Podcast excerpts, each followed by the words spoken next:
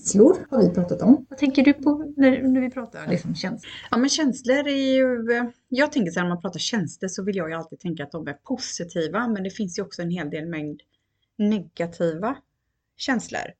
Och kan man också vara lite känslokall ibland? Lite känslocool? Ja, definitivt. Titta på mig. Av dem tycker jag är så avtrubbad så hälften är nog. Och då brukar jag skoja. Det är kanske inte politiskt korrekt att säga att jag har Asperger när någon tittar på mig. För jag, vet, jag sa det till dig alldeles nyss Katrin. Jag har ju jobbat så jättemycket med mig själv och känslor och vad är verkligt i känslor? När, när är det det jag känner just nu? Är det förankrat i nuet eller är det någonting som dyker upp från förr? Ja men precis, det kan ju finnas triggers som det så fint heter nu. Man kan bli triggad av någonting eller någon situation eller, eller olika perioder i sin menscykel.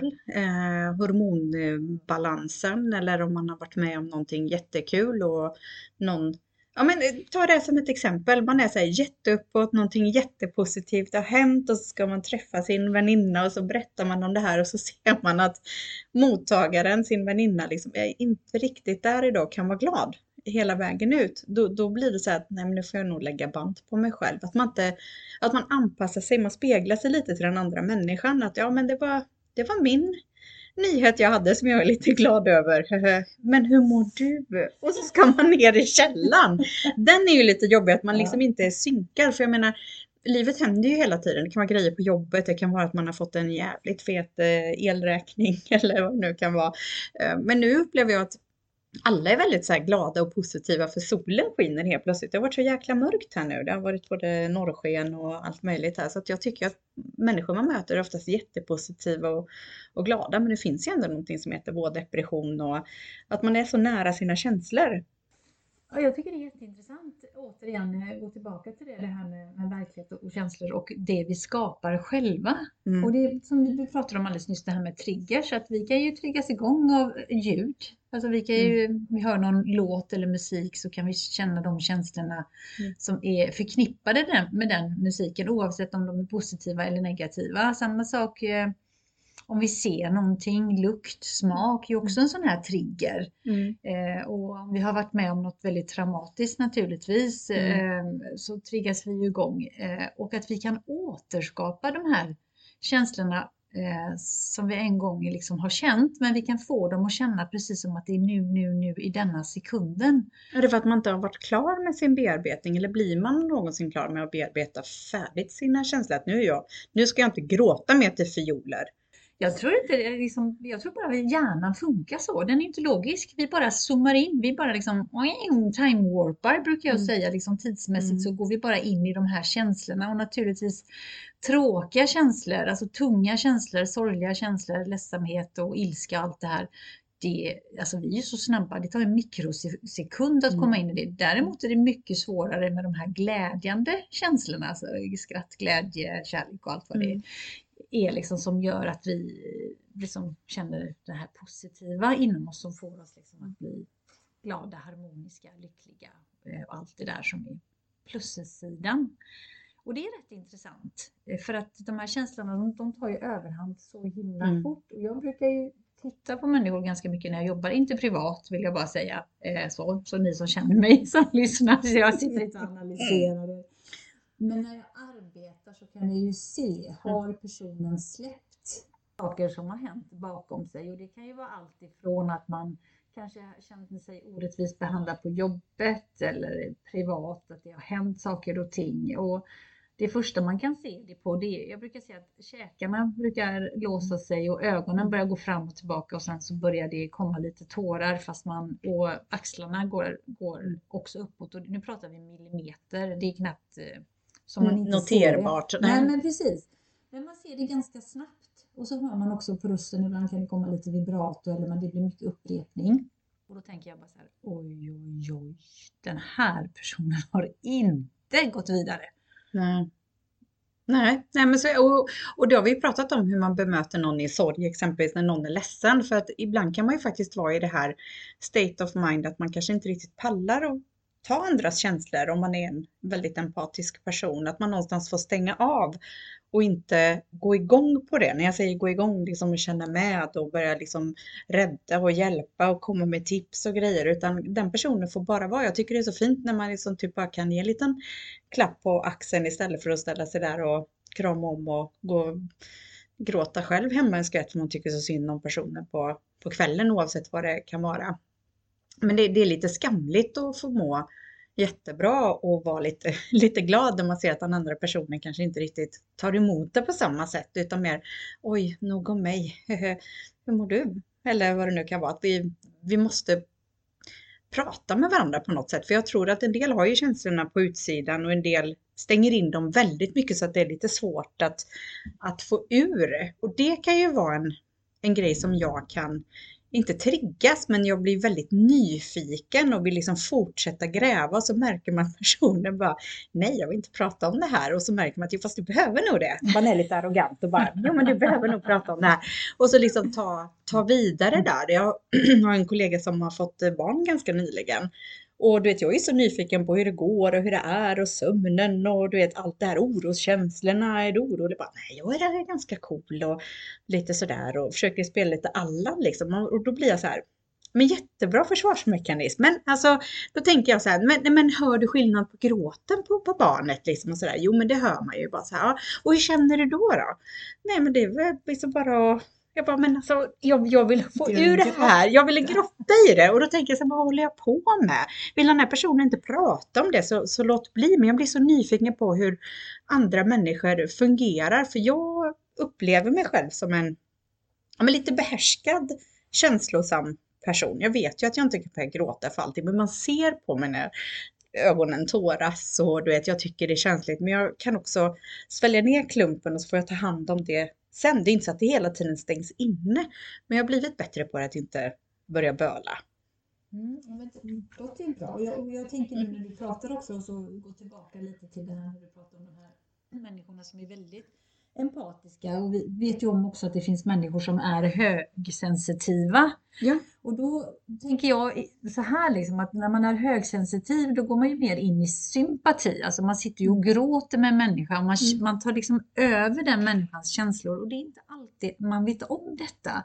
Mm. Och man kanske inte alltid har skydd mm. för detta utan, och där är det viktigt för den personen som som gör det här att faktiskt stanna upp. För ibland kan man ju också uppleva när man går så mycket in i en annan människas känslor och tar över ansvaret, vilket man gör, mm. så kan man bli lite arg för man upplever att den här personen inte är tacksam inom situationstecken, att man får inget tack utan mer att den här personen kanske säger att ja men gud vad hon är jobbig, ska hon komma här och domdera fast mm. den tycker att det är ganska skönt för den behöver inte ta ansvar själv utan den mm. lämpar över all mm ansvar på den här människan som visar så otroligt mycket sympati. Och när man går in i det här med sympati och tar över någon annans känslor, då kommer ju inte den här personen vidare överhuvudtaget. Nej. Man gör sig själv eh, ingen tjänst heller för att jag mm. upplever utifrån mitt eget perspektiv och när jag, när jag var där, för där har jag befunnit mig, så mm. for jag väldigt illa. Mm. Att liksom förstå vad, vad, var det jag gjorde nu och hur kommer det sig och, och varför får jag den här reaktionen till att arbeta med det här sympati, att ändra det till empati. Och då kommer jag tillbaka där vi började, att jag kanske kan uppfattas som ganska kall och hård idag. Mm. För att eh, kunna skydda mig själv, kanske först och främst eh, där. Men också, nu vet jag ju efter alla dessa år med det här, med att titta på det här med känslor, så vet jag ju att Går jag in i empati, ja, men då kan jag ju hjälpa en människa. Går jag in och tar över den personens känslor i sympati, nej men jag kan ju inte hjälpa den, jag förgås ju själv. Liksom. Mm. För det har jag ju varit med om, själen dog ju ett tag. Ja men det, och det är intressant när man själv kommer på det för att jag kan nog säga att det är ganska nyligen som jag har lärt mig det här att inte ta över andras känslor. Att det blev att, men det här är ju inte mitt ansvar. Jag behövde få det inpräntat ganska många gånger utifrån. Att det här är inte ditt ansvar, det här får ju den här personen hantera. Och men den här personen är ju inte kapabel till det liksom. Nej, det får vara för den personen. Du kan inte gå in och, och, ta de här bitarna. Så nu när jag pratar med min dotter om det här exempelvis så, så har hon liksom kompisar där bara, ja men jag försöker hjälpa den och säger att den ska göra så här, vad ska jag svara när han eller hon skriver så här och så. Och då hör jag mig själv vara den här, ja, men det här är inte ditt ansvar. Du får ju så låta den klura ut det själv. För ibland behöver man ju som går iväg för att komma på det. Och det för henne är så här bara, men alltså det är ju inte schysst kompis. Jo, det, just det är schysst. Och jag önskar att jag hade lärt mig det tidigare än att göra för några år sedan, två, tre år sedan kanske. Att ja, men det här är inte mitt ansvar. Man måste bära sig själv. Sen kan man ju liksom vara stöttande, men du kan ju aldrig ta över, vilket jag alltid, alltid har gjort. Jag kan ligga och grubbla och vara ledsen och komma med lösningar eller fundera så jag tar upp så mycket, ja men som en hyresgäst flyttar in i huvudet utan att betala hyra och så blir man dränerad på det. Men där har jag blivit duktigare och då kan jag tycka att jag är en känslokall person. Helt avtrubbad. Och bara nej, nu är det någon annans tur att stå vid barrikaderna. Nej, det här, det här tar inte jag hand om. Fast jag är en väldigt omtänksam person. Där har jag liksom stridit lite med mig själv. Intressant. Mm, för jag känner, jag känner igen mig jättemycket i, i den eh, dialogen du har haft med dig själv. Den har jag också haft. Och just också hur bemöter man vänner och kollegor som har lite det du var inne på, som har känslorna på utsidan som man upplever kanske är ganska starka individer ändå mm. men, men är otroligt sköra. Eh, och då kanske bryter ihop och börjar gråta av olika anledningar och en själv står och tittar och tänker så här, ska jag krama om? Nej, det hjälper inte. Ska jag klappa? Jo, men vänta lite, men vad, hur, hur kan jag nu på liksom hjälpa den här personen utan att den ska bli ännu mer ledsen? För det mm. upplever jag också och det mm. har ju inte att göra med att jag inte känner med den personen, för det mm. gör jag ju. Mm. Men jag känner ju fortfarande återigen till det jag sa förut att det händer ingenting om jag sätter mig ner och gråter med den personen och tar över känslorna. För då, då är det kört. Men det är liksom. sån jäkla liten hårfin gräns att tippa över på den, att man någonstans får stoppa sig lite. För det är ju den här personen som har känslorna där, behöver ju få ut det någonstans och bearbeta någonting. Det här kan ju vara någonting som har hänt tidigare eller någonting som har hänt nu, det är helt färskt och, och försöka bearbeta det. Men och ibland har man ju svaren också. Och det känns också väldigt arrogant som jag pratat om förut att komma med de här svaren och det. Men det är också att när man själv är ledsen då vill man ju självklart ha en stöttning men oftast handlar det om, om man verkligen ska hårdra det, det är att någon bara lyssnar.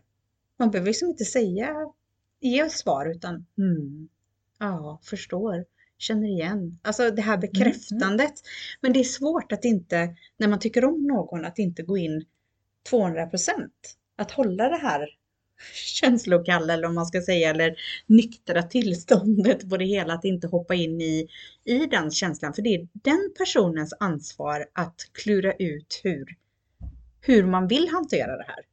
Så jäkla flummigt men så enkelt när man har vänt upp och ner och byggt lite lego med de här tankarna. Ja men precis, för man eldar ju på känslan också mm. hos den personen som känner det när man går mm. in i det. det blir, mm. Då blir det liksom tio gånger värre. Mm. På något sätt. Mm. Man kommer ju inte ur det. Eller det kan ju bli någonting väldigt så destruktivt utav det också mm. naturligtvis. Jag tror bara man får tänka efter lite grann. Vad, vad, är jag för, för person och hur hanterar jag det här med nu pratar vi om andras känslor, mm. men också mina egna känslor. Vad gör jag mm. av dem? Är det Mm. Är jag en person som stänger in och aldrig gråter för jag är så stark, inte ens en gång gråter när jag är ensam.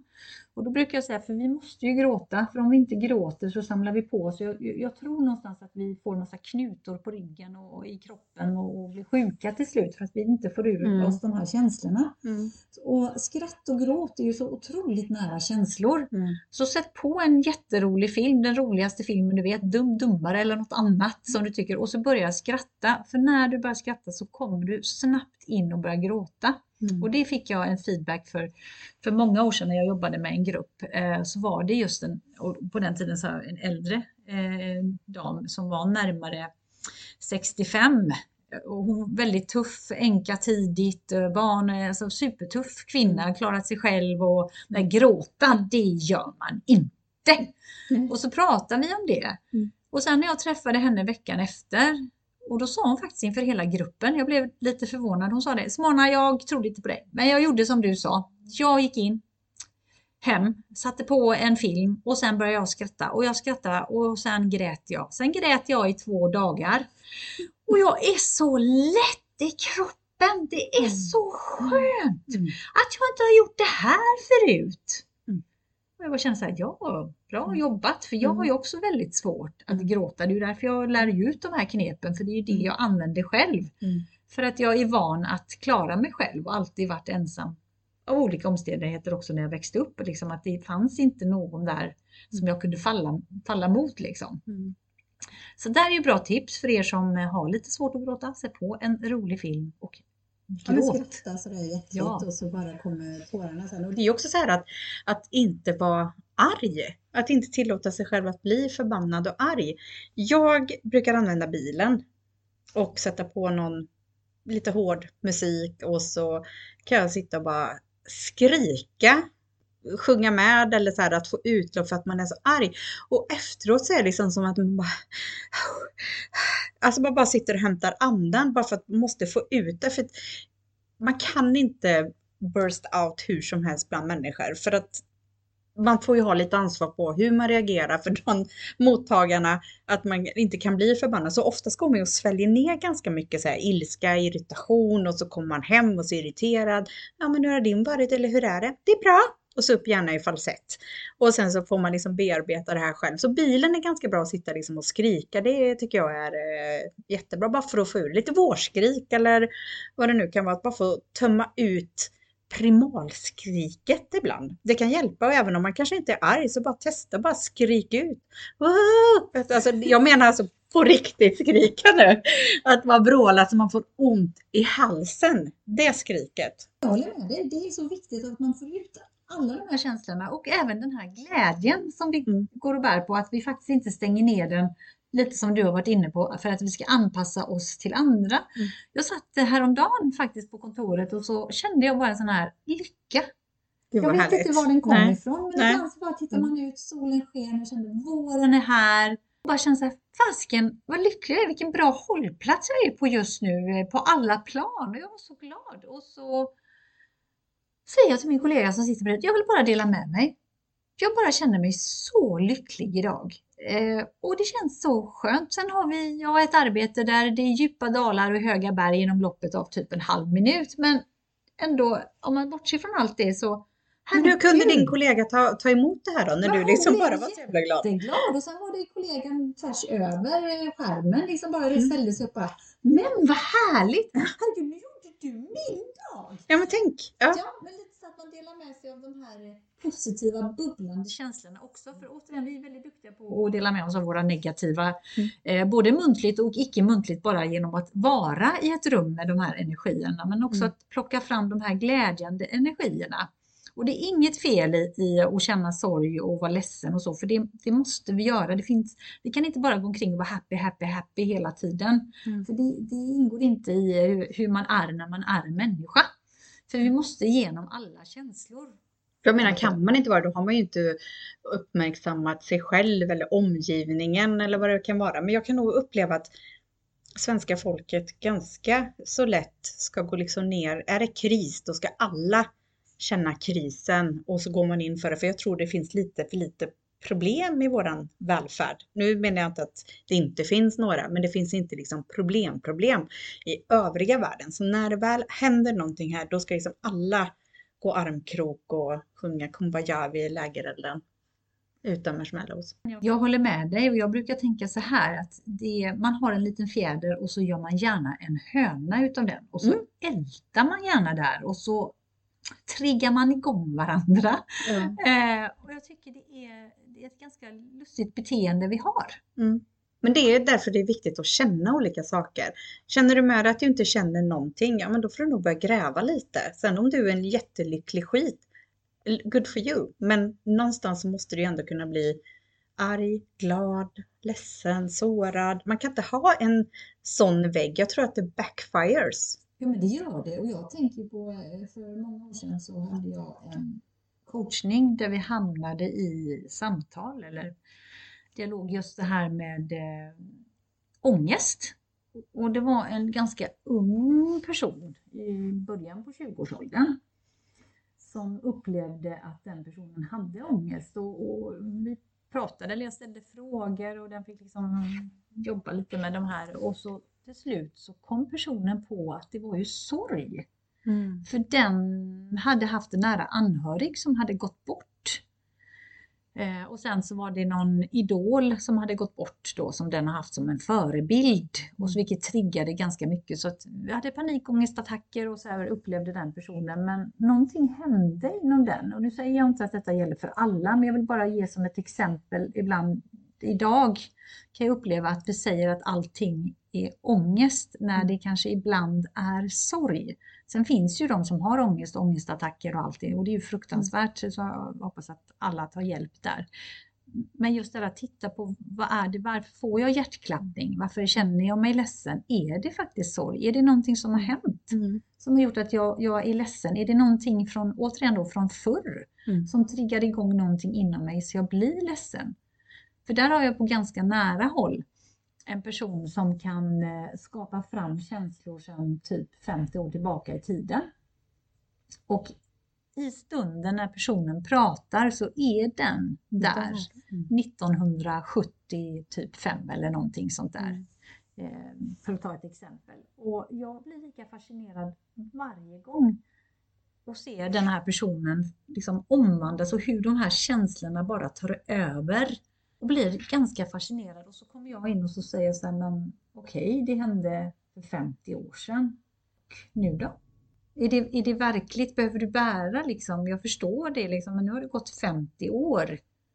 Eh, det måste ju finnas lite andra, ro, liksom, ro, inte roliga känslor, men det måste ändå finnas andra känslor. Vi har ju hela känslospannet, men vad, vad är det som gör att du hela tiden går tillbaka till de här mörkaste perioderna och lever upp känslorna? Och då läste jag en bok för många år sedan utav en man som heter Eckart Tolle. Eller Eckart Tolle eller något, en tysk man eh, som eh, var med om lite saker själv. Men han, nu kommer inte jag ihåg vad han kallade de här människorna för. Eh, då, men det finns ju faktiskt människor som lever i de här känslorna, för det är det enda de kan eller det enda de vill och det, och det spelar ingen roll vad du gör eller hur du försöker empatiskt eller mm. sympatiskt eller hur du än, vad den gör, så blir den människorna, den är ett med den här händelsen. Eller ett med en viss sjukdom till exempel kan också vara att man ser inte skillnaden, kanske på en diagnos eller sjukdom, att jag lever med detta. Men det är ju mm. inte jag, alltså jaget. Mm. Så, jag är, men jag, det, är liksom, det är ett sällskap jag har i livet, som jag får mm. uttrycka mig så då. Mm. Och det där är också ganska, jo han kallade det för svältkroppen. Tror jag. Ja, nej, alltså, det känns ju ändå som man göder. Ja men precis, och att man gör det hela tiden med de här negativa mm. känslorna. Och jag vet att den här personen då, jag tänkte när jag läste den här boken så tänkte jag så här, men då fick jag liksom en bild på en människa kom upp när jag läste just om det här och hur de här personerna växer och frodas och får de inte gå in i de här negativa destruktiva känslorna mm. så är de ingenting i sina ögon, alltså mm. hur man upplever det här med känslan. Jag tyckte det mm. var, jag tror den heter en ny, en ny värld eller en ny jord. Väldigt fascinerande, för jag menar, man vill ju, jag vill i alla fall utvecklas och någonstans ha med sig det man har varit med om, vara lite tacksam för positiva händelser, negativa människor, för olika lärdomar och utveckling eller att man inte ska hamna i de här tankegångarna eller de här sätten eller någonting. För när jag var runt så 20, det var då jag kom på att man kunde dö. Det var väldigt stort. Man vet ju om att man lever och dör, men då blev det så verkligt liksom i den åldern att fan, jag kan ju dö. Det var jobbigt, men nu har man liksom bearbetat det så det är klart jag inte ser fram emot att dö men då får man ju också vända lite på det att ja, men då får man ju göra saker som man känner att man krämar ur, ur livet. Sen är ju inte varje dag urkrämig heller utan det kan ju vara lite bajsmackor och lite sånt men ändå att man kan vara lite tacksam för för de här grejerna, för det tycker jag är så viktigt att, att vara tacksam för lärdomar, tacksam för, för att kunna skratta, för att gråta, för att känna, beröras, eh, minnas, smärtas. Alltså alla de här, allting på en gång. Alltså ibland har man ju en loop som kan spelas upp och så bara, nej men gud, uff, nej det här motar vi bort, det här var tungt. Eller, ja men där när jag var där, eller och så bara man sitter och ler med hela ansiktet, men ändå kan minnas saker. Sen finns det ju så mycket som man inte kommer ihåg, som kan triggas av mm. olika saker. Ja men verkligen. Jag tänker mer på så här meningsfullhet. Att det som händer, oavsett om positivt eller negativt, och så, som skapar känslor, att det finns en mening med allting. Och det är väl kanske en överlevnadsinstinkt som jag tror vi alla har Eh, mer eller mindre och just det här ganska tråkigt klyschiga, där är glaset halvfullt eller halvtomt. Och det är ju lika mycket vatten i glaset. Det är bara vad, vad är det du väljer att se och vad är det du fokuserar på? Och det vet vi också att fokuserar du på det negativa eh, så kommer du bara få det negativa av en annan, annan person. Om du upplever att en person är jobbig eller känner bara så att shit nej, jag orkar inte med den här människan. Så kommer du få det. Mm. Men däremot så tittar du på den här personen och tänker så här, men gud jag ska bara se det positiva och träna på det, för det tar ju lite tid. Mm. Men då, det som händer också som man inte tänker på, det är inom en själv, att jag kommer ju ha en helt annan approach till den här personen för att jag väljer att se denna på ett annat sätt och skapar nya känslor hos mig själv. För det är det jag mm. gör. Mm. Vilket också gör att den personen kommer spegla det tillbaka. Och det är rätt fascinerande att vi speglar ju varandra hela tiden. Så att jag har också sagt många tillfällen när personer har sagt att ah, men den här är så grinig mot mig, jag är alltid sur eller och då säger jag så här, ja, men vad, hur är du mot den liksom? Vad, vad, vad ger du? Kommer du dit och säger med ett leende god morgon och får du alltid samma griniga svar, ja men då kanske du ska ställa frågan, eh, vad är problemet? För då, då, det är ju inte mm. du liksom, då kanske den personen har lite jobbigt hemma. Men då får man ju ställa frågan. Men, men det är intressant. Ja, jätteintressant och jag tänker bara att vi lever här och nu och skratta, gråt, känn, skit i känslor, gör vad fasiken du vill, bara du ändå ja, men du kommer liksom framåt i, i det hela. Eller så stannar du kvar, du får välja helt själv. Det beror helt upp på dig vad du vill, vad du vill göra med dina alla känslor du har lyssnat på oss här idag och vi hoppas att du vill lyssna på nästa avsnitt. Vi tar jättegärna emot feedback, eh, frågor, funderingar, tankar från dig som har lyssnat och då får du jättegärna mejla till katrin och simona.gmail.com och följ oss jättegärna på under, Instagram under samma namn, Katrin och Simona.